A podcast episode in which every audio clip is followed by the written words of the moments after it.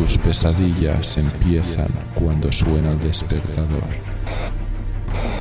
Harto de que las sábanas se apoderen de ti. Sintoniza.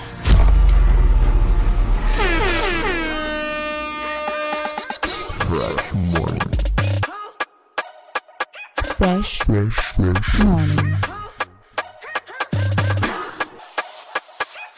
96.0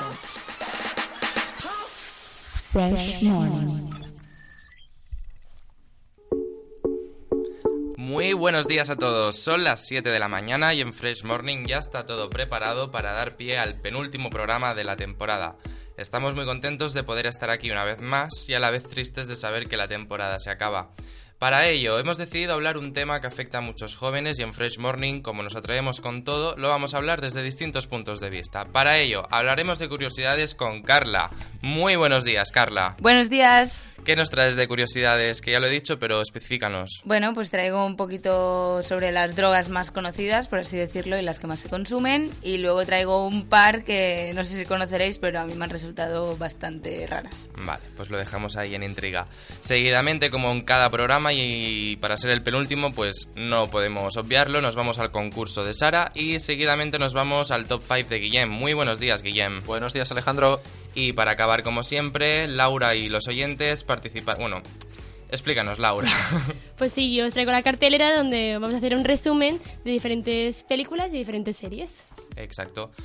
Pues ya está, ya está todo preparado. Recordaros que podéis acceder a nuestros programas y a los demás que componen la Radio Tecnocampus en www.radiotecnocampus.cat y escucharnos de 7 a 8 de la mañana cada miércoles y repetirlo de 2 a 3 del mediodía. Y ahora nos vamos con las noticias.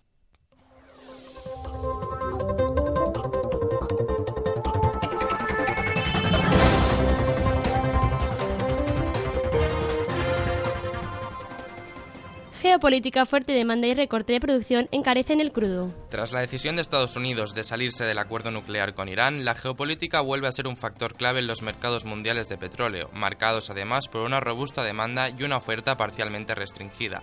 Ese es el panorama que se desprende del informe mensual de la Organización de Países Exportadores de Petróleo, publicado en Viena hoy, en un momento en el que los petroprecios han vuelto a superar los 70 dólares por primera vez en tres años y medio.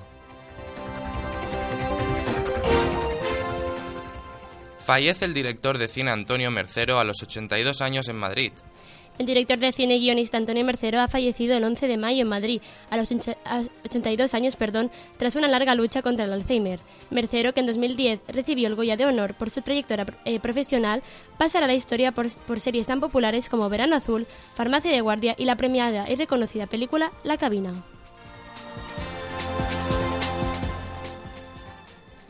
Torra ha investido presidente con la abstención de la CUP tras 199 días de sin gobierno. El Parlament ha investido en segunda votación y por mayoría simple a Quim Torra como president de la Generalitat, gracias a los 66 votos a favor de Junts per Cat y Esquerra Republicana y las cuatro abstenciones de la CUP, 199 días después de la destitución del gobierno de Carles Puigdemont.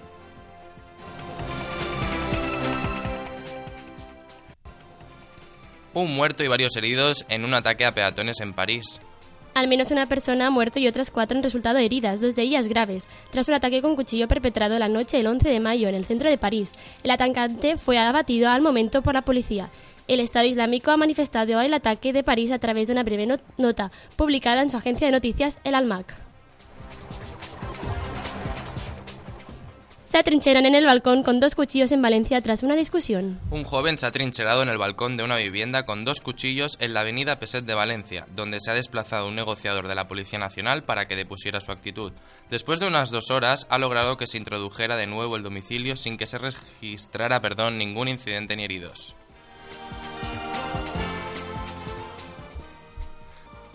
Neta y su canción Toy ganan Eurovisión 2018 para Israel. Israel ha ganado el Festival de Eurovisión con 529 puntos, después de una disputada final con Chipre y Austria. España se tiene que conformar con el puesto 23 y con solo 61 puntos para la actuación de Amaya y Alfred, en Lisboa. Israel ha cumplido con los pronósticos y ha conseguido su cuarta victoria con Neta y su canción Toy. Chipre ha conseguido su mejor resultado de la historia con un segundo puesto gracias a Fuego.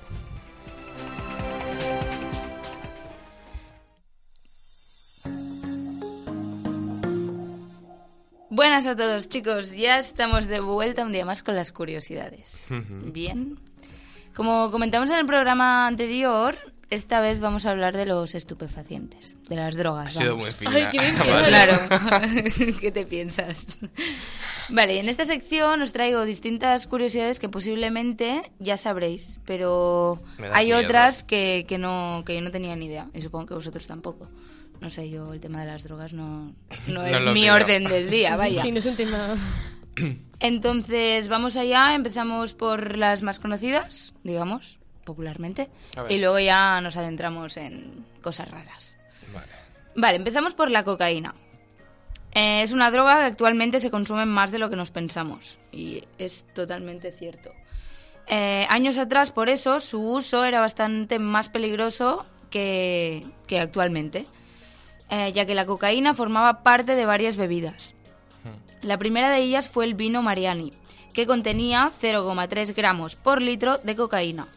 Entonces la combinación entre la cocaína y el alcohol potenciaba mucho los efectos. Luego, otra bebida, que esto yo creo que sorprende, porque a mí me ha sorprendido mucho, otra bebida fue la famosa Coca-Cola, creada por un farmacéutico americano que añadió 0,02 gramos por litro de cocaína. Entonces la cocaína junto a la cafeína, como pasaba antes, potenciaba mucho los efectos. Y bueno, estas curiosas Coca-Colas, que sepáis que se vendieron por primera vez en el 87 y eran de color verde, que no sé si sonarán el envase verde de Coca-Cola. Sí. Y luego más tarde, en, el, en 1903, tuvieron que retirarla, evidentemente, por su poder adictivo. Claro. Vaya, que no bebáis Coca-Cola. Pero mataba gente, entonces. Bueno, no sé si mataba gente o no, pero la adicción era, Claro. Más alta. era real. Así que... Cuidado cuando vayáis a Inglaterra que la Coca-Cola allí es verde, pero que ¿Ah, no sí? es que no es por eso, ¿eh? Ah, pues Sí, sí. No sé si es la light o alguna cosa que es verde. La No, lata. creo que hay mm, de distintos sabores. Sí, y que entonces sí que son de distintos colores, pero la Coca-Cola, Coca-Cola no. Os Lo que sí que ¿eh? hay es Coca-Cola de 3 litros, que es un Sí. botellón, vamos, que te pegan en la cabeza y te dejan cao. Perdón. Vale, ahora nos vamos al tabaco, algo súper común entre... Bueno, droga legal. Exacto. Bueno, droga legal, pero no deja de ser droga y que nos mata a todos. En fin, todos sabemos que el tabaco son las hojas de una planta, Sí. pero la nicotina, ¿de dónde sale? Es químico. Pues no, sale de la planta también. Ah, sí. La nicotina se produce en la raíz de una planta llamada Nicotiana tabacum. Y se produce en la raíz, digamos, y va subiendo hasta las hojas. Y el que suba hasta las hojas es un mecanismo defensivo de la planta. Y aún así, la nicotina nunca se puede consumir de forma pura porque es un veneno y produce la muerte. Y, por ejemplo, la dosis letal en humanos es de un miligramo por kilo. Así Vale. que eso Casi ya no nada. lo sabíais, ¿eh? No, Es- no. no, casi nada, bueno. Un miligramo. Es súper poco, pero... O sea que sin un filtro de tabaco se pasan más de lo normal. Poniéndote nicotina, por ejemplo, ¿qué pasa? Pues que la palmas. no sé, pero es curioso, primero de todo, que salga de, de la La raíz de la planta Sí, y luego que, que realmente nos pueda matar y nos la... Bueno, ya sabíamos que el tabaco podía matar, ¿no? Pero que nos la inyecten así, de esta manera, pues no bueno, sé. y dicen que el tabaco no mata tanto por el humo, sino por la... Creo que es por la, algo, otra cosa. No me atrevo a decir nicotina, pero no es tanto por el humo. O sea, el humo provoca el cáncer de pulmón. Que sí, que es derivado de fumar, pero tiene algo más que no sé qué es, un producto químico. mi- Aparte de cientos y cientos 80.000. de- Sí. El papel, todo, todo, El son papel, sí, malísimo. Menos fumes, mejor. Bueno, total, que no fuméis. Que yo fumo, ¿eh? Pero que no fuméis. que yo fumo, ¿eh? Pero no. Vale, y hablando de tabaco, chicos, no sé si os acordáis de los carteles publicitarios de Malboro, donde aparecían hombres vaqueros, hace Sí, años, sí, años, sí, años sí, sí. atrás, Sí. que nos lo han puesto en alguna asignatura este Sí, año. es verdad. Eh, pues casualmente, estos tres modelos que utilizó Malboro para su campaña murieron de cáncer de pulmón. Mm. Nada, es un dato, así que Ironías de la vida. aporto. pero- Curiosidad total, sí, sí. Exacto. Vale, ahora vamos a otra droga muy, muy consumida. No sé si sois conscientes del daño que puede llegar a causar el alcohol. Ah, te ibas a decir marihuana. No, no, el alcohol. Algo socialmente muy aceptado también. Y bueno, creo que nos irán bien a todos es conocer unos datos extraídos de la Organización Mundial de la Salud, de la OMS. Mm. Allá voy. El alcohol causa casi el 4% de las muertes en el mundo, más que el SIDA o la tuberculosis. O sea, atención, ¿eh? Aproximadamente 2,5 millones de personas mueren cada año por causas relacionadas con el alcohol. Según el informe de la OMS, el uso nocivo del alcohol es el factor de riesgo que causa la muerte entre hombres de 15 a 59 años de edad. De 15 años, ¿eh? O sea, ¿Cómo más etílicos? es una pasada, ¿eh? Y cada 15 vez, años. eh, y menores. cada vez más. Sí, Eso es. hace poco en las noticias aquí además lo dijimos y en la tele salió Es verdad. que el alcohol cada vez lo consumían más jóvenes, y en más cantidad. exacto. Cosa que yo no entiendo porque yo sí he tenido mi etapa adolescente. Bueno, esto Sí. lo hablamos, ¿Lo hablamos luego? lo hablamos luego. ¿Hacemos mejor. un debate? Vale. Venga, va. Venga, Me yo me atrevo. ¿Hoy? Sí, pero nos Vale. tenemos que mojar todos. ¿Vale? ¿Y tanto? Me apunto, me apunto. Sí. Vale, Venga, pues va. debate luego. Perfecto. Vale, perfecto. Pues chicos, oyentes, estad atentos en las redes, en Facebook, donde queráis, que estrenamos debate así espontáneo. Seguimos, Carla. Vale, gracias. bueno, pues estos datos del alcohol me sorprendieron tanto, tanto, no, o sea, los datos que os acabo de decir de las muertes, que seguí investigando sobre, sobre el tema. Entonces encontré algunos efectos que desconocía y os los he querido traer. Em, ¿Sabíais que el alcohol puede afectar temporalmente tu sentido auditivo? Cri cri. Temporalmente. Es el momento que consumes. Sí, al consumir que, que afecta al oído, digamos. Puede ser, Vale. puede ser, porque, no, es que no me atrevo a decir, lo he podido notar, pero sí que es verdad que no sé si es luego la discoteca cuando Claro, he ido estaba yo que afecta, pero creo que en parte a veces parece que estés como sordo o que Vale. tienes que gritar más. Exacto, te lo explico. Sí, sí, tienes razón, ¿eh? Eh, de acuerdo con un estudio británico, las especialistas descubrieron que conforme el nivel de alcohol en la sangre, perdón, em, cuando el, eh, uf, no, el entiendo, nivel de alcohol entendemos. aumenta en la sangre 0,08, el umbral de audición disminuye un promedio de 15 decibelios, que es un montón. Lo cual equivale a meterte un algodón en los oídos. Hostia. O sea, te bebes, tomarte dos cervezas, vaya, en 30 minutos, por ejemplo, puede dificultar la percepción de sonidos como los de una conversación normal, digamos, como 16 horas o más. O sea, que ahora ya entiendo por qué las discotecas tienen el volumen tan alto. Claro. Porque la Claro. gente escucha menos Hmm. cuando ha bebido dos simples cervezas que no estás borracho No, no, no, no. ni menos. No. Pero sí, sí, disminuye. Y no tenía ni idea. Y mira, pues me ha sorprendido mucho. ¿Y por qué sucede esto? Pues porque el alcohol tensiona los músculos y las membranas del oído medio interno. Por Dios. Así que los efectos son chulos, ¿eh? Y es algo tan consumido actualmente que... Bueno, en fin, esto lo hablamos luego en el debate, Sí, ¿vale? sí, lo Porque no, luego. no acabaríamos nunca. Eh, siguiendo con el alcohol, por cierto, he encontrado una moda un tanto, bastante mucho peculiar. Y bueno, no sé si la conocéis, eh, se llama eyeballing. Eh, es la de beber alcohol por los ojos. ¿Qué, ¿Qué dices? dices? Vale, no, no la conocéis. No, Yo con los ojos que no puedo. Vale. Pues el eyeballing consiste en verter alcohol por los ojos para lograr el efecto más inmediato. Es decir, el alcohol entra en contacto directo con la retina, lo que provoca lo que llaman un subedón inmediato. Los efectos del alcohol se duplican en intensidad y en rapidez también, pero sufren un intenso dolor y escozor, obviamente. Pero es que la- la, obviamente. gente es... Perdón, No probéis estas cosas, por Sí, favor. sí.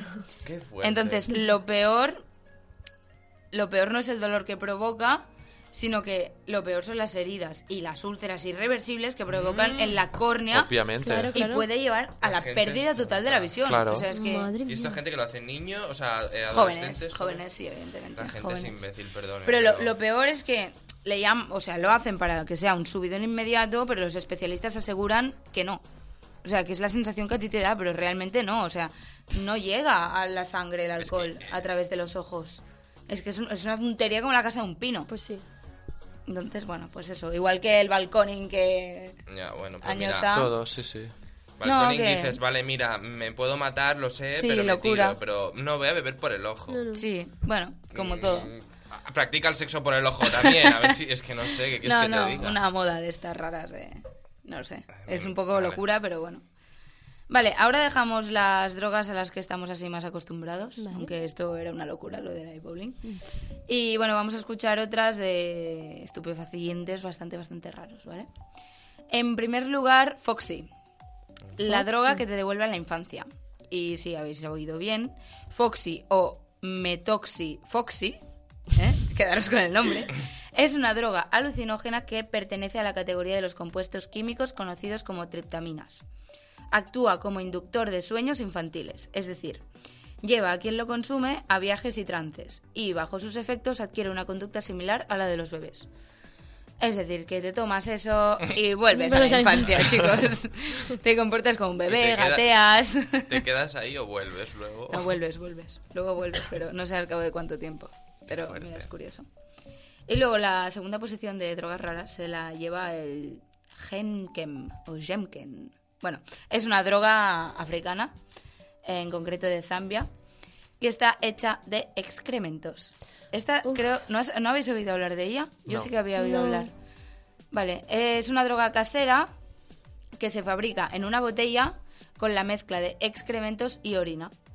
Entonces, como ponen la botella, Sí. orinan y hacen sus Humanos. cosas ahí dentro. Sí, sí, exacto. Y le ponen como un globo para tapar. Entonces, a la que sacan ese globo, los gases de, de aire que inhalan, pues producen efectos bastante alucinógenos. Y esto les mata. Mm. Quiero decir, es nociva. No, claro que es droga. nocivo. Nocivos sí, Evidentemente, sí, sí. supongo por el CO2 y todo esto. Mm. Ya, pero no sé, se me hace como... Bueno, claro, es que ahí supongo... ¿Es por recursos esto o por qué? Es que no Mm, lo pues sé. No lo sé, ya, ya. exactamente.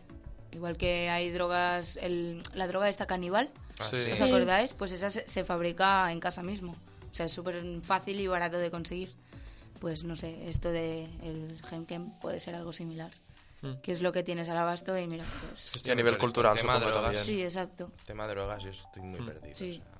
Pero mira, eso ah, seguramente muchos de nuestros oyentes mm, estarán diciendo no tienen ni idea de drogas. No, no hay tanto. porque realmente Estás llamando un poco de Pero- drogadictos a nuestros oyentes. No, quizá, pero quiero decir pero- que hay mucha gente que sí que, Que se sí. pone a investigar sobre el tema porque, a ver, es O algo... gente que estudie química y Exacto. cosas de estas, Claro. sí, sí, por supuesto. Y pues nosotros no tenemos ni idea, por eso nos ha sorprendido tanto. Pero bueno, pues eso. ¿Y qué más? ¿Ya pues está? ya está. Ah, ya está. Lo de- sí, Vale, lo dejamos vale. luego para el debate, ¿vale? sí, sí, si os parece, mejor. Y así pues aprovechamos esta base que hemos sentado ahora y luego ya pues Vale. hacemos hincapié en lo que sea y en el tema que Vale, queramos. Pues luego participamos todos y ahora nos distraemos un poquito con el concurso que nos trae Sara como Bien, siempre y luego ya tomamos un poquito el tema de, de las drogas. Nos vamos a drogar pero de música con Sara.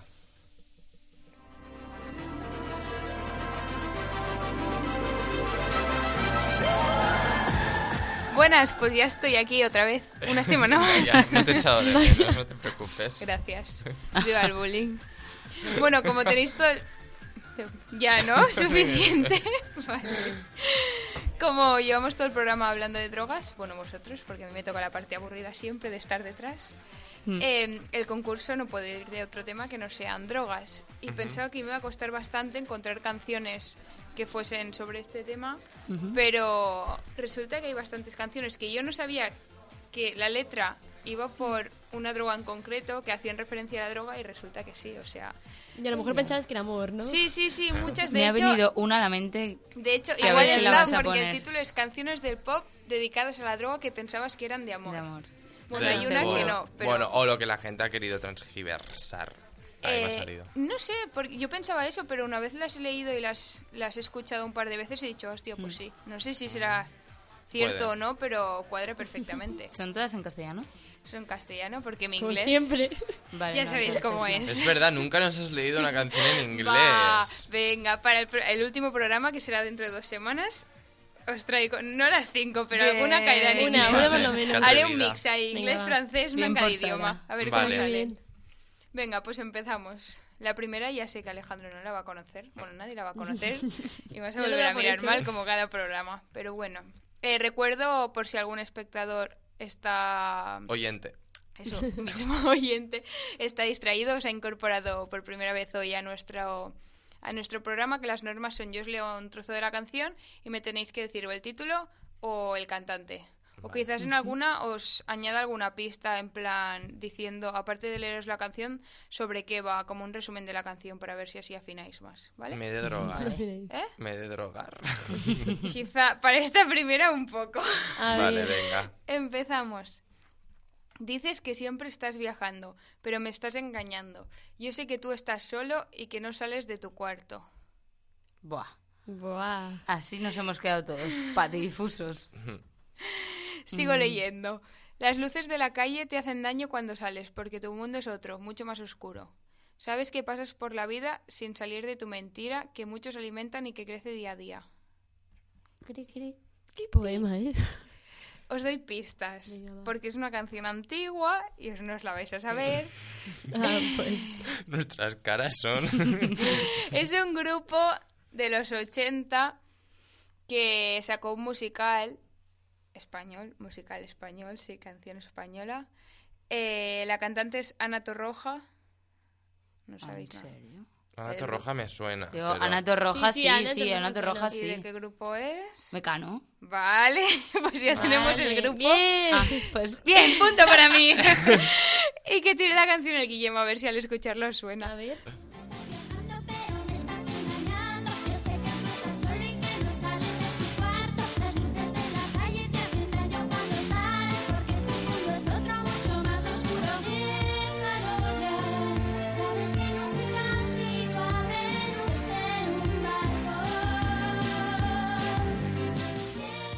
Veo que no. Ni idea. Pues De no me verdad no, ¿eh? disgusta.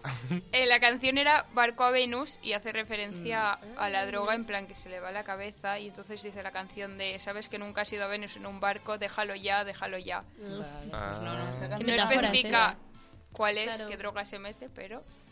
Habrá que mirar el genérica. videoclip. ¿eh? Habrá que mirar el videoclip. de Sí, estas lo he estado viendo canciones. antes y da un poco de miedito, pero si, Vale. psicodélico. buscar, si lo queréis buscar, Venus, Barco a Venus se titula. Vamos a por la segunda, es más moderna Gracias, Sara. y a mí me gusta, no doy más A mí me gusta. En el asiento de un coche antiguo abandonado en un desguace en el olvido, con un canuto entre los dedos, cara de malo y un sombrero de vaquero y su pistolera. Ya Es, es, es Melendi. Es Melendi. Es Melendi y es de las antiguas, cuando todavía Es cantaba Melendi. bien. Bueno, para mi gusto. Cantaba bien, madre mía, Bueno, la bomba. ca- bien, bien, nunca ha cantado, pero cuando Cannabis hacía- no es, ¿no? no para de liarla. cuando hacía canciones, bueno, que a mí me gustaban. ¿Es si, Cannabis? si nos está escuchando él, que no Cannabis de creo. Melendi. Sí. Eh, no, no es esa, iba a poner esa, pero pensaba que no es la y ibas a saber. Vaya, Sara. Es una que sonaba siempre los... Bueno, yo soy muy fan y iba a los conciertos y siempre sonaba de las últimas. Pero ahora ya no la canta porque como hace referencia a las drogas Claro. y ya se ha formalizado, pues la he censurado. Ya no beben los aviones. Y yo os la traigo aquí para que las escuchéis. Yo le vine a un concierto una vez. Pues no. Iba si bebiendo no es vino en el cannabis, concierto. no. A ver, Lee más. sombrero de vaquero y su pistolera. ¿Qué puede ser con esas dos si lleva esas dos cosas? Es que es famosa, famosa, de esas que dices, famosísima. Famosísima, Es que yo famosísima. Melendi, el título sí, ya sí, no. has escuchado Melendi esta te la tienes Pues que me la saber. tengo que saber. Me suena esto de vaquero. mucho. Billy. Elliot. Billy, el, Billy el pistolero. Ay, pues no. Pues no.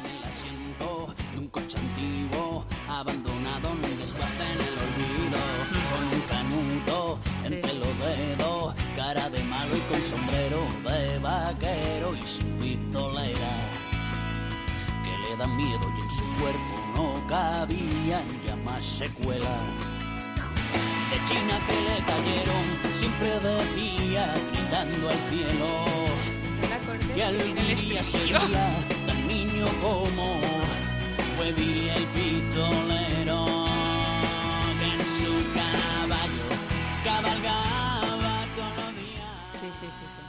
Sí, sí, que, que vosotros dos no y No. Carla un poco. y no sabía poco. que era de Melendi, pero por la letra, Sí, el porque rollo que también te decías. Era, era Melendi, que pertenece al disco Que el cielo es presentado del 2008. Pero ahora ya como se ha Añosa. formalizado, Ya ya ves. hace canciones sin comentar temas de drogas. Seguimos. A ver si esta os suena. Al Guillem antes se la he puesto por el título, no tenía ni idea y cuando se la he puesto ha dicho, ah, bueno. Mm, A ver. Alejo, atento. a ver. Vuela un columpio vacío rozando la arena. Deja las huellas del ángel caído al pasar. Huellas que siempre me llevan a ti, quitapenas, como la dosis de vida fugaz que me diste a probar. Que Ay, es la frase que hace referencia a la droga. un montón. Pues a mí no. Mm, Nada. Ni idea. Y esta era la que pensaba más que iba, o sea, era canción de amor y luego cuando la he escuchado un par de veces he dicho, ah, hostia, Pues no. ni idea. ¿Alejandro? Me suena muchísimo. De Amaya mí. Montero. Eh... Es que no lo sé. No sé si es ella porque el, can- el, el grupo cambió la cantante. Ah, la oreja. La sí, oreja de es la oreja. Y no sé si la Ah. canta ella o la... ¿Cuál O la otra Yo no sé cuál es, pero por la mucho. letra me viene esta Sí. gente, porque me las imagino ahí Pues con el mira, pop. imagínate. Sí. Ay, pues a mí me gusta mucho la oreja de Van Gogh. Ah, pues nada. No. La niña que llora en tus fiestas. Ah, amigo, vale. Ah. Pues no sabía que iba de drogas. No es de Amaya Montero. Deja las huellas del ángel caído al pasar. Huellas que siempre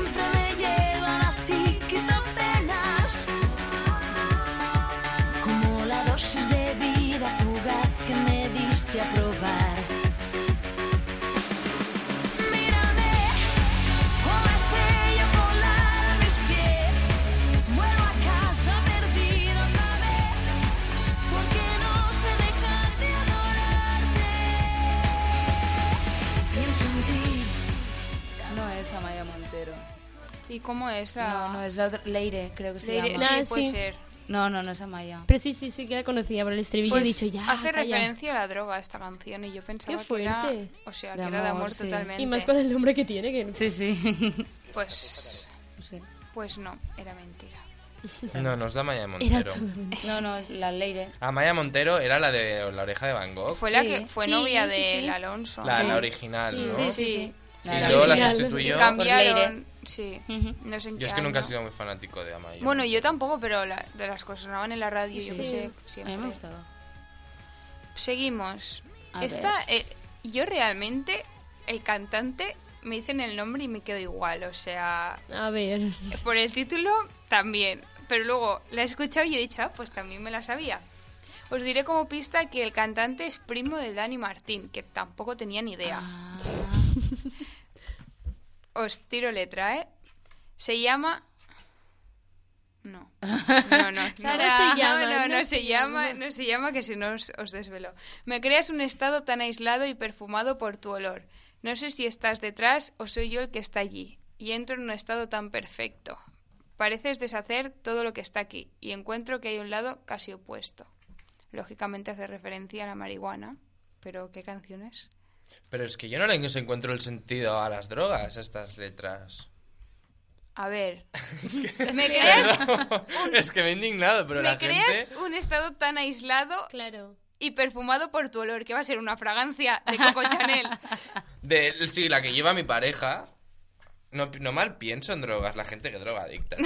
O sea, perdón, ¿eh? pero qué drogadicta es la gente. Sigamos. Y dentro y entro en un estado tan perfecto. Bueno, es que claro, son ambiguas. Puede hacer referencia a la pareja o a la No droga, mal pero, pienso. O sea, a ver si me pones que. Pero es- pareces deshacer todo lo que está aquí y encuentro que hay un lado casi opuesto. No sé, yo qué sé. Bueno, Lo he escuchado un par de ¿qué- ¿Qué veces. canciones? Se puede malinterpretar. ¿Qué sí. canción es? Ni cantante ni, ni nada de No, nada de ni nada. ¿El pescado El- suena? Sí, el primo del... Sí, Pues esa. sí. Primo de Dani Buscando Martín, el sol. pescado. Buscando el sol es la canción. Vale.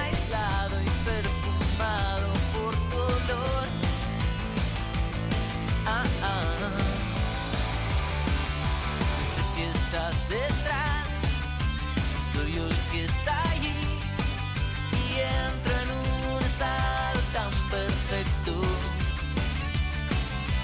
Pareces deshacer todo lo que está aquí y encuentro que hay un lado casi opuesto. Haces que se me pasen las horas y salga el sol,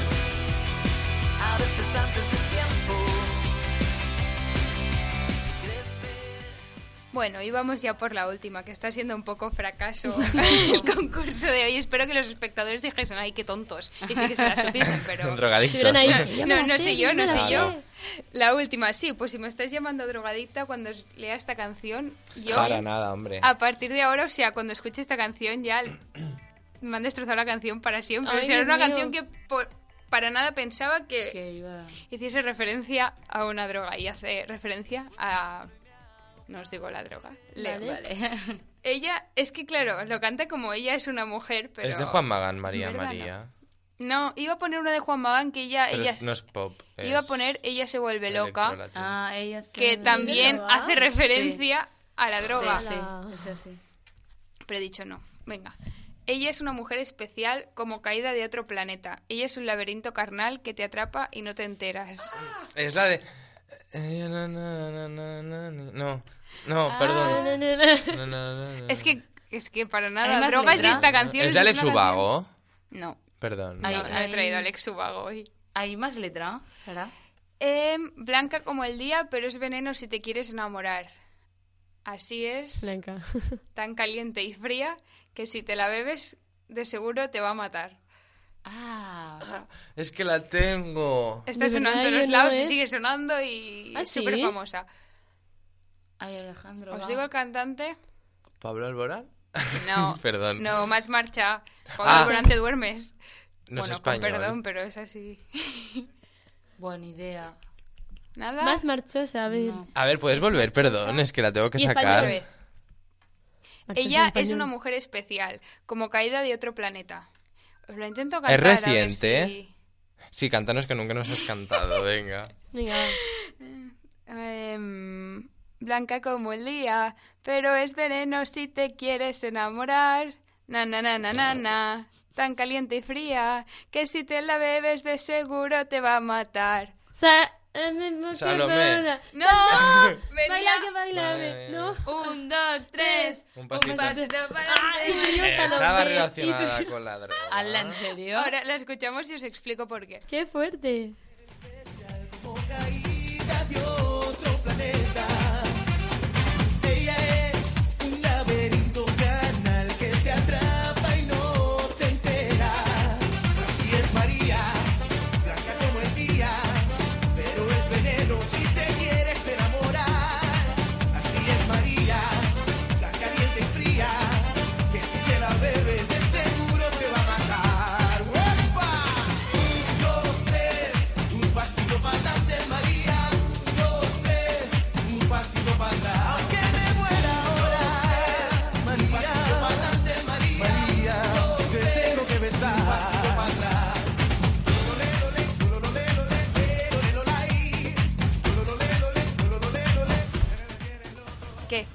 ¿Eres Ricky Martin o no eres Ricky Sí, lo Martin? acabo de buscar y confirmo es Ricky Martin. Vaya. Porque para los oyentes que se hayan pensado lo mismo que yo, yo esta voz no la reconocía. Yo que te la había puesto para ti.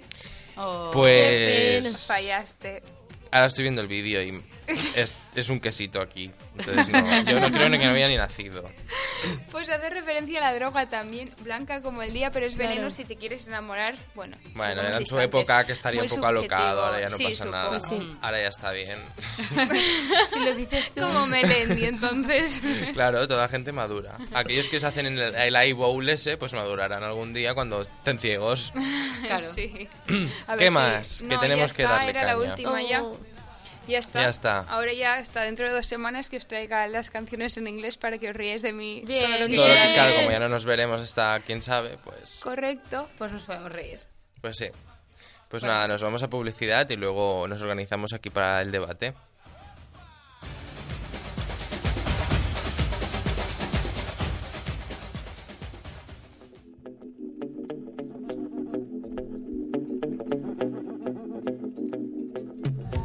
Bueno, pues tras esta breve publicidad, como antes hemos dicho al inicio del programa, aquí somos bastante atrevidos, también un poco alocados, desmadrados. Eh, en fin, que nos atrevemos con las cosas, pero a hablarlas y no a consumirlas. Pero para ello, eh, Bueno, el tema son las drogas. Exacto, el tema son las drogas de este programa. Y como es el penúltimo, vamos a mojarnos un poco. Y yo creo que qué mejor manera aunque sea más verídico o más falso, da igual, no lo dejaremos ahí, lo dejaremos ahí. Alejandro. Perdón, que parece que me haya yo aquí tomado algo, pero no. La cuestión, Que lo importante es la sinceridad. la sinceridad. Vale, Guillermo. no, no.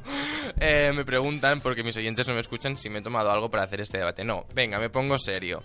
Em, hay que mojarse. Y he pensado que para introducir este debate, qué mejor manera que entre todos mojarnos en si hemos tomado algún estupefaciente, y con ello incluyo mm, desde tabaco, a qué edad, por ejemplo, que todo el mundo lo consume desde muy joven, ya luego vamos a alcohol, vamos a marihuana y de ahí vamos increciendo, Aumento. eh, aumentando. Entonces, ¿quién quiere empezar? Tú. ¿Yo me tengo que mojar yo? No, pues Gradualmente empezamos. Vale.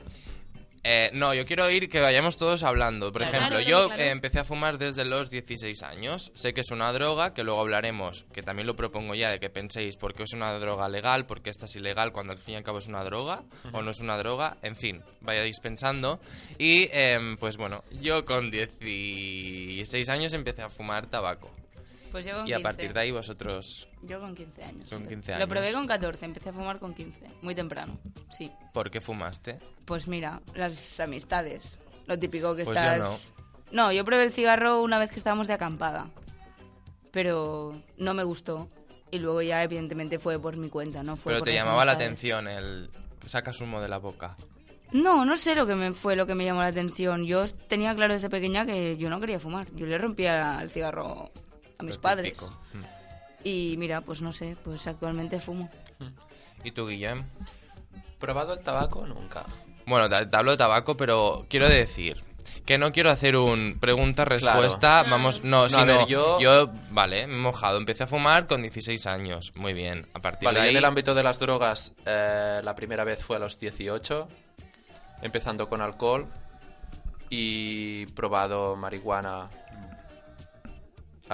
mezclado con tabaco y droga más dura una vez. Uy, Más Guillem. Hoy, Guillem. Más dura. Uy, Guillem. Madre mía. Sí, una vez de fiesta. Aunque en mi Fiesta. caso, esto, esto ya es otro tema también, pero es un poco el efecto que tiene cada persona con algunas drogas. Igual que con el alcohol. Si el alcohol hace mucho tiempo que no bebes, Sí. te afectará mucho más con Sí, menor sí. cantidad. Y hay gente que es más propensa a sentir más efectos con las drogas, también depende de cuál. Pero en mi caso, por ejemplo, y esto también hay que ir, hay que ir con más cuidado. A mí me cuesta mucho, mucho sentir el efecto de las drogas, ya sea el alcohol, marihuana, lo que sea. Vaya. Por eso se tiene que ir mucho en cuidado en el sentido de no por el hecho de no sentir los efectos. Perdón, una cosa. Tener que pasarse. Ir con mucho cuidado. que, que me ha reventado el... Pobrecito. No sé qué he dicho, no sé qué he dicho, pero Mucho en cuidado. Mucho en cuidado. Em, porque no por el hecho de no sentir los efectos quiere decir de que no te esté afectando. Exacto. Quizás Ujú. no lo notas, pero tienes que ponerte un poco el límite. Pero los 18. Yo Edad esa- legal. Yo esa gente Bueno, la bien. envidio. O 18. sea, envidio la gente, perdón, que, que se beben, no sé, dos copas Sí, y luego... y van súper bien. Que bueno, en peor porque se gastan más dinero, pero... Bueno, aquí nos hemos olvidado de preguntarle a Guillem qué ha probado. Sí, pero quiero pasar antes. Bueno, mm, A ver. lo dejaría para después, que ya se haya Vale, relajado vale. más. Y vamos con Laura. Pues, es tu ver, turno. Es mi turno. A ver, yo empecé, pues, eh, bueno, si sois de Mataró, a Privat Tardas, Ujú. eh, el típico chupito de piruletas, que siempre lo cuento, eh, pero el, chupi- el chupito de piruletas fue mi, primer, bueno, mi primera vez con el alcohol. Y fue como, bueno. Claro, tenía pues 16 años, sí. Y tema de tabaco sí lo he probado, pero por, por problemas de respiratorios y todo no puedo. Si no fumarías, quieres decir. No, no creo, ¿eh? porque mi madre fuma y no es una cosa que nunca me, me ha gustado. ¿Sabes? Y también porque no, no me sienta bien, yo creo. Bueno, Lo he probado, mejor. esta, pero... De fiesta, quizás. uno, Sí, de ¿no? fiesta, es lo típico. Y también soy como mi... Eh, iba a decir... Miguel. Como Guillem. bueno, ya, vamos bien, ¿eh? Eh, Como Guillem, que también me cuesta mucho a mí el, los el efectos, efecto. sí, mucho. Entonces eso, con un consumo siempre responsable y te tienes que conocer tu cuerpo sobre todo. Por Sí, eso, eso yo me sí, conozco el mío y sé que el tabaco no me, no me va bien por, por temas respiratorios y todo. Y el tema del alcohol sé que me cuesta mucho, entonces intento controlarme. Pero si os dais cuenta, todos hemos consumido alguna vez, que es lógico, Sí. porque Sí. 22, 23, hacia arriba, em, hemos consumido algún tipo de droga, que y aquí es donde luego podemos ir hablando. Yo, por ejemplo, me cuesta aceptar que me digan, no, no, es que tú eres drogadicto porque fumas tabaco, o porque de tanto en tanto bebes alcohol. Me cuesta cómo asimilarlo. No.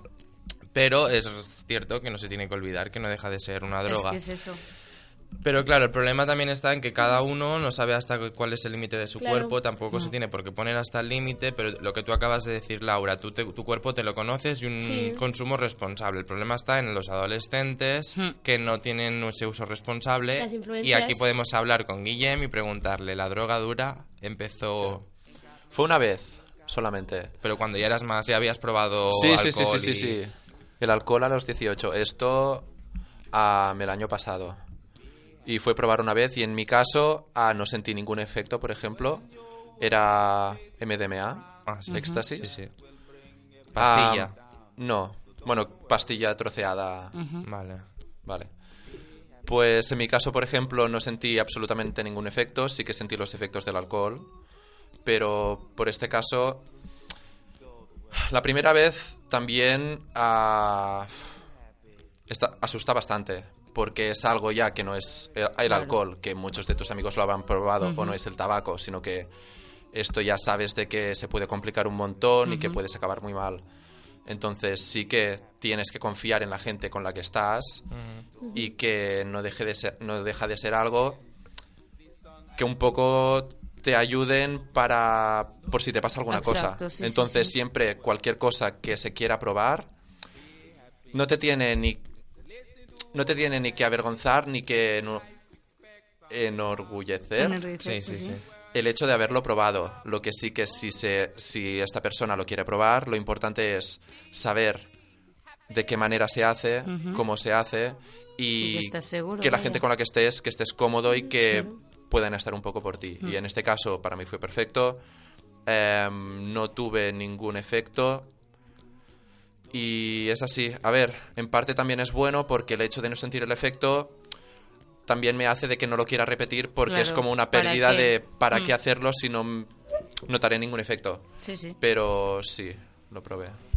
Yo es que en eso soy muy radical. Yo también, muchísimo. Entonces, mm, sí, he probado marihuana, lo típico con los amigos, marihuana, hachís, quien dice un porro es alguna de las dos cosas, pero no me acaban de gustar, o sea, los disfruto cuando he pasado una etapa de estrés o de mucho agobio y dices, Buah, hoy, si estoy con los amigos, mira, es que me voy a echar las risas, pero yo por mi cuenta, solo decir, venga, mm, voy a fumarme un Ya. porrito, Claro, esto ya no. Em, no. Diferente. Y luego aparte, no sé si por mi manera de ser, por mi educación quizás tan radical en mi casa, em, ha sido lo que me, me, me- no, o sea, pienso que es como aparte de defraudar a mi familia, también he tenido familiares que han pasado cosas que dices, ¿para qué yo tengo que pasar por aquí? Mm. O luego ves un chico o chica por la calle que a, a lo mejor ha bebido demasiado alcohol, pero ya ves que va que no puede con su vida y pienso yo, me veo así por fuera y paso Mm. Sí, vergüenza. Y luego que yo soy una persona que tolera la, la droga como el alcohol, por- porque cuando digo droga para mí es, es alcohol, ¿eh? hablando en este debate. Cuando bebo alcohol sí que es cierto que alguna vez me he podido sobrepasar o que me ha sentido más fuerte de lo que me pensaba, me ha sentado peor, pero tampoco he tenido que montar un circo y pasaría mucha vergüenza si me pasara. Mira, eso me lleva a una pregunta. ¿Os habéis sentido mal por beber demasiado? Y tanto. ¿Sí? Sí, una vez. Por no, por ser- no tener conciencia ni de lo que dices sea, ni de lo que haces. No, quiero decir, habéis sobrepasado el límite, digamos, de vuestro cuerpo. O sea, os habéis llegado a encontrar mal, yo que sé, habéis vomitado, os habéis desmayado, habéis desmayado cogido un no. coma etílico. No, eso nunca. Coma etílico y desmayo. Que- sea consciente, no. Pero de sentirme mal, de decir, ¿para qué habré bebido tanto? O, joder, hoy me tendría que haber sentado mal. Hoy tenía que ser el día, así que me da como rabia. O sea, sí, sí, y también es un poco lo que comentaba antes. Yo, por ejemplo, solo me pasó una vez porque aún no conocía mi cuerpo en el sentido de no sé las dosis de alcohol, en este caso no sé lo que mi cuerpo acepta y fue mi primera vez de fiesta, la primera vez que lo probé. El Mala círculo pata, con el ¿eh? que estaba tampoco se preocupó demasiado por mí.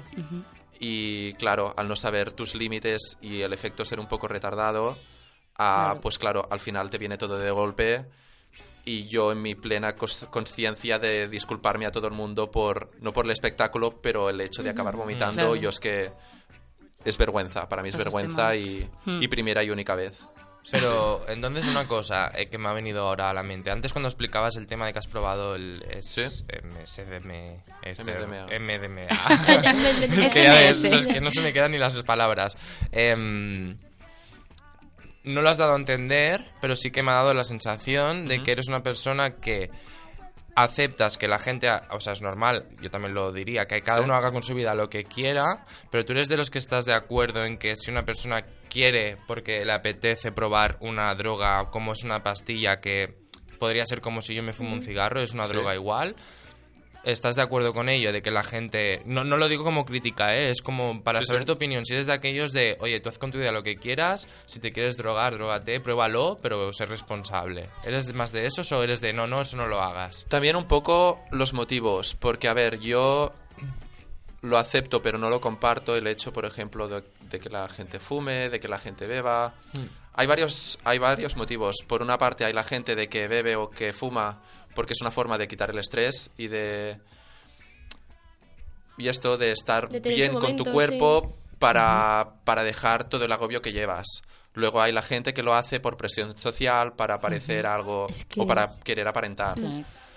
Entonces, yo no lo comparto, pero yo acepto que cada uno haga lo que quiera en el sentido de ningún problema y lo que sí que acepto más es que la gente quiera probarlo, en el sentido de sabiendo la dosis y sabi- teniendo en cura de tu cuerpo, probarlo ningún problema. Ya no lo acepto tanto en el sentido de que la gente se enganche, que la gente lo consuma. No sé si respondo un poco a tu pregunta, sí, pero no, sí, sí, pero yo también creo que el fallo está en que entiendo tu mentalidad, ¿eh? y a mí yo también lo opino, que cada uno haga lo que quiera, pero sí que es verdad que he tenido amigos o amigas que me dicen, yo creo que todas las cosas una vez en la vida se han de probar. Pues no. Yo, Yo creo no que eso es el fallo de... Yo también decía lo mismo con el tabaco, no, no, no me engancharé, probé uno por mi cuenta yo solo, aquí estoy, que soy fumador desde hace cinco años, ponle. Entonces creo que si eres una persona que te puedes creer que no te vas a influenciar nunca, que nunca... Que los oyentes también lo sepan, ¿no? Que a lo mejor hay adolescentes que dicen,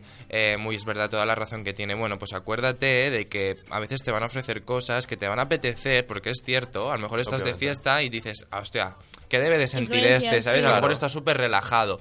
Pero luego has de decir, no, no, no, es que es, me creo que nunca me voy a enganchar y, y está más cerca de lo que te crees. Sí. Es fácil engancharse a las cosas. Exacto. Es muy fácil. No, no, y ahora puedes pensar de que nunca probarás cierta cosa o no, no, no, porque yo me conozco a mí mismo, conozco mis principios y el tabaco nunca lo probaré y al final acabas siendo por circunstancias de la vida que, Nunca digas nunca, ¿no? Mm. que lo acabas haciendo y por esto digo de que de entrada que la gente no lo pruebe, obviamente, porque si ya de entrada no te aporta nada bueno, Exacto. que todo es malo para el cuerpo y puede conllevar el cáncer o la muerte o enganchada y si no te Es que crea desde lo más efectos, efectos físicos de cierta droga y veréis los Sí, efectos sí. físicos que, Sí. que es un desastre. Mm.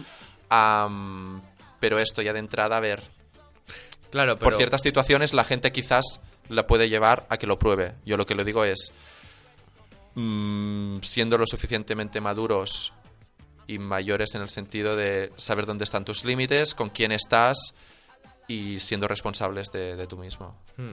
Pero a la vez hay muchas contradicciones en, la gente joven y no joven, o gente que consume un tipo de droga y gente que consume otra.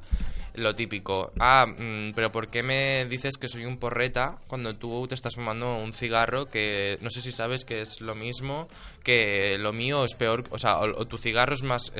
más Más nocivo, nocivo que, que- que lo que yo me estoy fumando. Entonces, claro, también puede haber esta brecha. Por ejemplo, los datos que hemos, bueno, que he estado buscando para hablar un poco del tema, el alcohol es la droga más consumida. De Sí. hecho, creo que antes Carla, no Sí, sé si ha has comentado. sí. Em, claro, el alcohol me sorprende que sea la droga. Sí que puedo acepto que sea la droga que más se consume, pero también es la que más muertes está causando. Y es la más aceptada.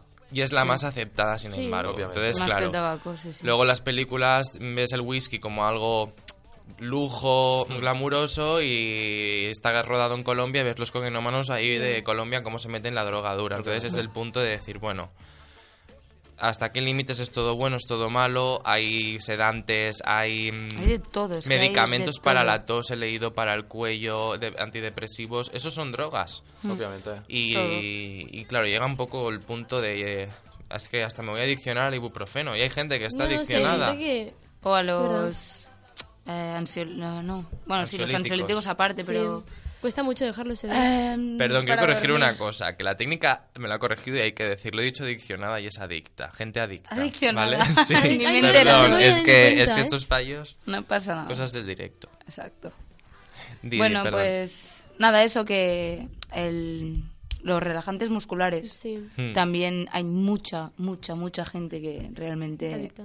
no puede vivir sin ello. No puede irse a dormir sin tomarse un diazepam, Hmm. por ejemplo. No, no sabe vivir.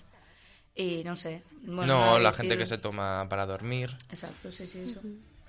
a la que te recetan algo así has de saber un poco. Dicen que si te lo tomas tres meses no te Sí. adiccionas. Claro, Sí. Vuelves bien. Y luego para parar tienes que bajar la dosis, no tienes Exacto. que dejarlo de tomar, De sino golpe. vas bajando los gramos que te Mm. tomas. No poco a poco. Por eso, me, por eso me da miedo. Pues, a modo de conclusión de este debate, Consume responsable Algo así. siempre. Exacto, consumo responsable. y- Con- bueno, conocer tu cuerpo, tus límites, lo que decíamos. Y que Exacto. cuidado, que no es ninguna tontería. O sea, no es Y que no os dejéis influir tontería. por los Sí. círculos, es decir, tener muy claro vuestros principios y si no Ser queréis mismo, algo, sí, pues, sí. pues no. Exacto. muy bien. Y atención a todo, cuatro ojos a todo. Cuatro y el no, cubata 80. tapado. Tapado. Exacto. Que si también- conduces, no con... Ay, perdón, si bebes, no conduzcas. Y bueno, lo típico que siempre soléis escuchar por ahí, pues os lo decimos nosotros también. Exacto. Y tapar el cubata, en serio. Bueno, va, pues ahora cambiamos de aire y nos vamos con la cartelera de, de Laura.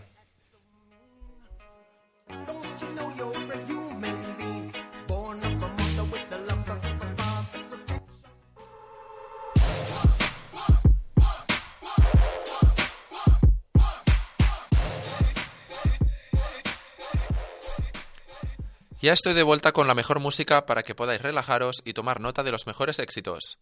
Y ya que este fin de semana se celebró Eurovisión, os preguntamos cuáles eran vuestras canciones favoritas de la historia de este festival de música. Con las mejores hemos creado el top 5 de esta semana. En la quinta posición nos encontramos con el grupo Urban Symphony, quien representó a Estonia en el Festival de Eurovisión de 2009 en Moscú con la canción Randajat. Con esta se llevaron la sexta posición. La pieza, que combina sonidos electrónicos con instrumentos de cuerda, cuenta la historia de viajes nómadas sin fin por los desiertos de arena. Así pues, primera canción, Randajat, de Urban Symphony.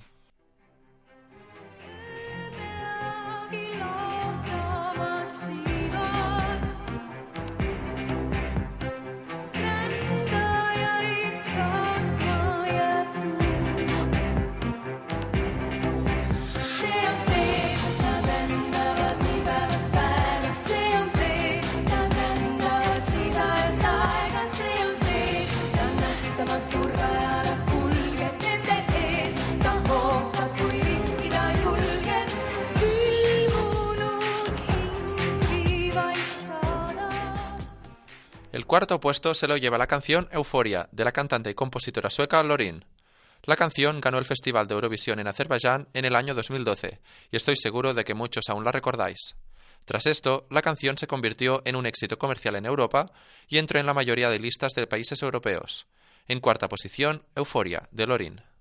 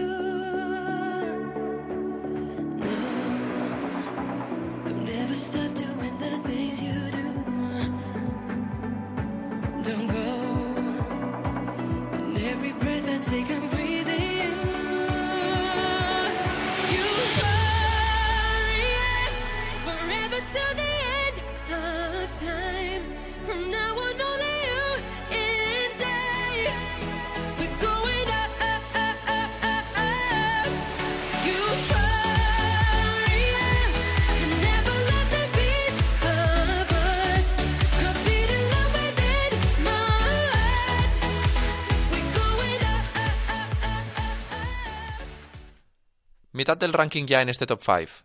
El cantante italiano Domenico Modugno ganó el Festival de San Remo en 1958 y representó a Italia en el Festival de Eurovisión del mismo año, en el que finalizó en tercera posición. La canción, Volare, fue un éxito comercial a nivel internacional y con el paso del tiempo se convirtió en una de las más representativas de la historia musical italiana. Os dejamos pues con Volare, de Domenico Modugno. Quando tramonta la luna, li porta con sé. Ma io continuo a sognare negli occhi tuoi belli, che sono blu come un cielo trapunto di stelle. Volare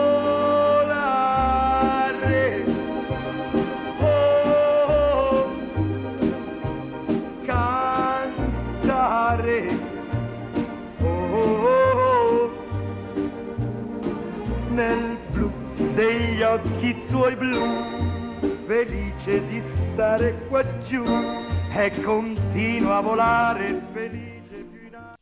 Y segunda posición para el más que conocido grupo sueco ABBA y su exitazo Waterloo. Waterloo fue la canción con la que ganaron el Melodifestivalen en 1974 y el decimonoveno Festival de Eurovisión en la ciudad de Brighton, convirtiéndose en su primer éxito mundial. La canción forma parte actualmente del musical Mamma Mia, basado en las canciones de ABBA. Así, en el puesto número 2, ABBA con Waterloo.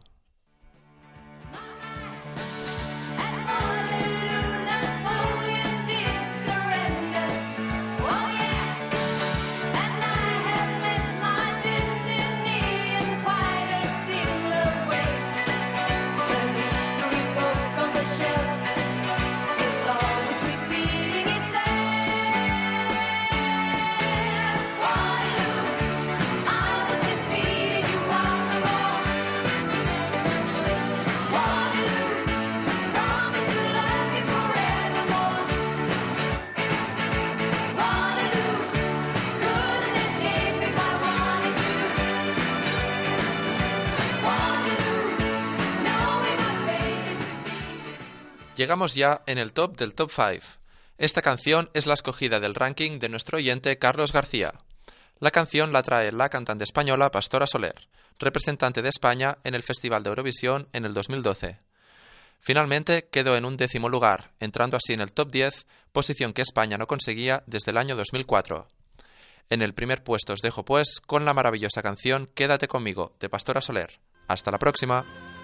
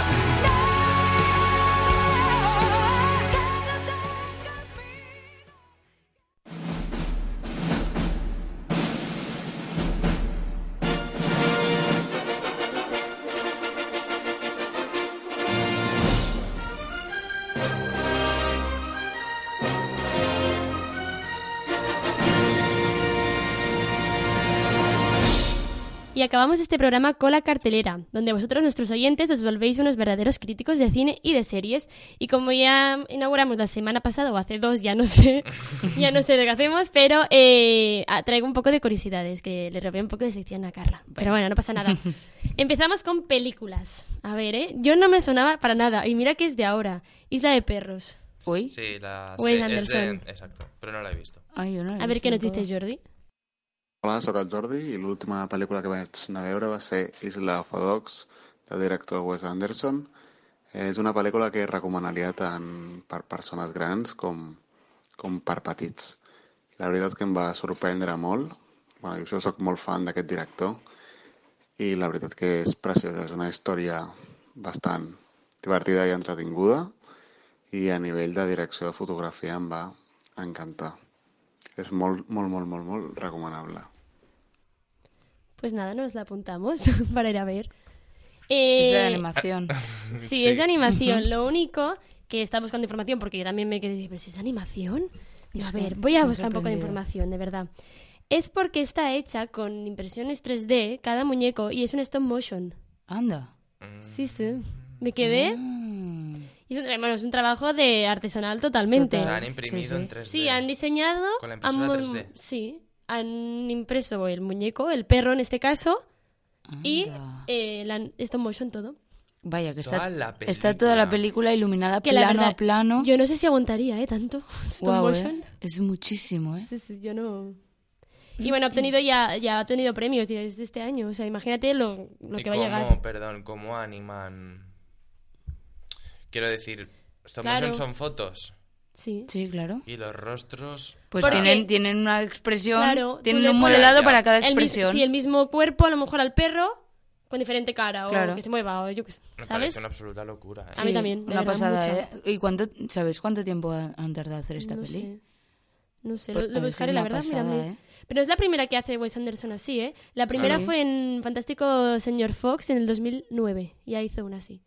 Y yo creo que dio su éxito, bueno, era tan éxito que dijo, pues voy a hacer otra. No, no, y va sobre una gripe canina, que también hace Anda. una gripe canina. que, bueno, es que yo me estaba leyendo todo y dije, pero está loco. Madre Qué mía. ¿eh? fuerte me Sí, sí. O sea, Oye, pues es, es interesante. Y Sabiendo esto, verla, Sí, sí. para valorar todo el cine. curro. Puf. Y además que está ambientada en Japón. O sea, no en Barcelona. Bueno, en Barcelona también sería difícil ambientarla, pero en un pueblo, no, en Japón. Tela. Y bueno, también una anécdota es que una de las voces es de Scarlett Johansson y, y Bill Murray, que ya, ah, bueno, trabajaron, le encanta mm, a Wes Anderson trabajar con ellos, y ya trabajaron juntos en Lost in Translation en 2003, y que también tenía lugar en Japón. O sea, Vaya. le encanta. Le gusta la animación en Japón. Vamos por la siguiente peli del 2009, que es El secreto de sus ojos. Buenos días, Fresh Morning. Ayer vi la película El secreto de sus ojos. Una película que me ha parecido fascinante, desde el principio hasta el final. Los actores, una pasada. Entre ellos, Ricardo Darín. Wow, espectacular, muy sutil. Muy sutil a la forma de actuar. Me gusta mucho. El director ha sabido hilar perfectamente dos historias. Una de ellas, la del caso sin resolver del eh, personaje que interpreta Darín, que 25 años después quiere escribir una novela y retoma este caso. Y luego la historia de amor de el personaje que interpreta Darín con su compañera de trabajo. Desde el principio hasta el final la película se te hace dinámica, se te hace amena y es bastante intensa. Recomiendo muchísimo verla. De verdad, lo voy a contactar como. De Como verdad. voz. De verdad, no, no. Vaya- Contratada vaya- para la Yo creo que radio. es la mejor crítica que nos ha dicho. ¿Cómo se llama, perdón? El- El- Ah, digo, el chico. el oyente. Eh, Vicente. Ah, pues gracias, Vicente, por tu mega... No, no, la verdad que muchas gracias, que nunca lo digo a todos los oyentes que nos Sí, envían verdad. notas de voz, la verdad que estoy muy contenta. Y bueno, este es un director argentino, tampoco tenía ni idea. Director argentino que se llama Juan José Campenella, también... Y nada, está basada en una novela, o sea, que muchas películas están basadas en una novela que se llama La pregunta de sus ojos. O sea, ha cambiado un poquillo también todo, ¿eh? Sí. El secreto de la pregunta. Y nada, es una, una película súper novedosa porque es la primera argentina que fue lanzada en Blu-ray. Mm. O sea, imaginaros, no había ni llegado en el 2009 el Blu-ray allí. Vaya. Y pasamos a las series. La primera serie que tampoco hoy es Cosmos. Cosmos, me suena mucho. De verdad que aprendo mucho con vosotros, ¿eh? Muchas gracias. Sí. Por aquí lo hablaba alguien. Y nada, Pau nos va a explicar un poquito de qué va esta serie. La serie documental Cosmos es una serie en que cada capítulo se tratan diferentes temas de- del universo. Es una serie interesante porque aprendes cosas nuevas del universo y, y cosas de física. Mm, A veces se hace un poco lenta y pesada, pero bueno, también es para gente que no conoce mucho física, pero hay términos que no- a veces no se entienden. Se ve que era una... Está buscando información y es una serie que ya se hacía hace tres décadas. Amba. Y ahora Ahí National Geographic eh, la ha rescatado y le ha dicho, bueno, pues ya que se hacía hace tres décadas, vamos a ambientarlo un poco ahora al siglo XXI con las necesidades que tenemos ahora. Y la ha llamado Cosme- a Cosmos a Space Time Odyssey, como la, la Ah, película. sí. Mm. Entonces, nada, está mm, presentada por un físico y de verdad que debe ser difícil de ver, no por, digo por el tema, te tiene que gustar mucho. Mm. Pero también he visto críticas que dice, hay, la gente que decía, a mí no me gustaba nada la física, eh, cosas de astronomía no tenía ni idea y gracias a esto la verdad que he aprendido Me muchísimo. Y ya está, hasta aquí Ya todos estoy, los... vengo cargadita hoy, pero ya estoy. Pues muy bien, pues muchas gracias Laura A y muchas gracias a los oyentes. Y recordaros que este va a ser el penúltimo programa y que tenéis la oportunidad de, para la sección de cartelera de Laura, enviar notas de, de voz. Y pues hasta aquí creo que hemos llegado, ¿no, Carla? Pues sí. Bueno, decir que si quieren comentar, todo. enviar alguna temática para el último programa Y tanto. A pues través que- de las redes sociales. Exacto, que estaremos encantados de recibirlo e intentaremos adaptarnos en mayor medida. Exacto. Y dar a nuestros oyentes lo que quieren escuchar. Mm, temáticas atrevidas, que Cualquier nos cosa. mojemos, cualquier cosa. Y nos toca despedirnos con la canción que disputó en Eurovisión, eh, Quédate conmigo, de Pastora Soler. Perdón si no supe decir todo para